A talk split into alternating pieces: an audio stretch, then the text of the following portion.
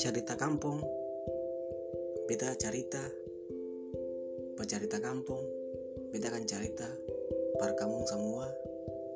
Untuk bagaimana katong mengenal Maluku.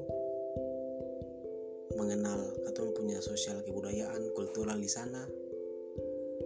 Katong punya alam di sana. Punya utang di sana. Punya adat di sana. Para kamu semua. Ini cuman perkas tahu kamu kalau semua itu katong punya jangan sampai orang ambil akang. Katong juga akan menjaga marwah katong sebagai orang timur. Katong harus lawan stigma lawan diskriminasi bahwa katong adalah Indonesia katong adalah Maluku yang katong cintai. Terima kasih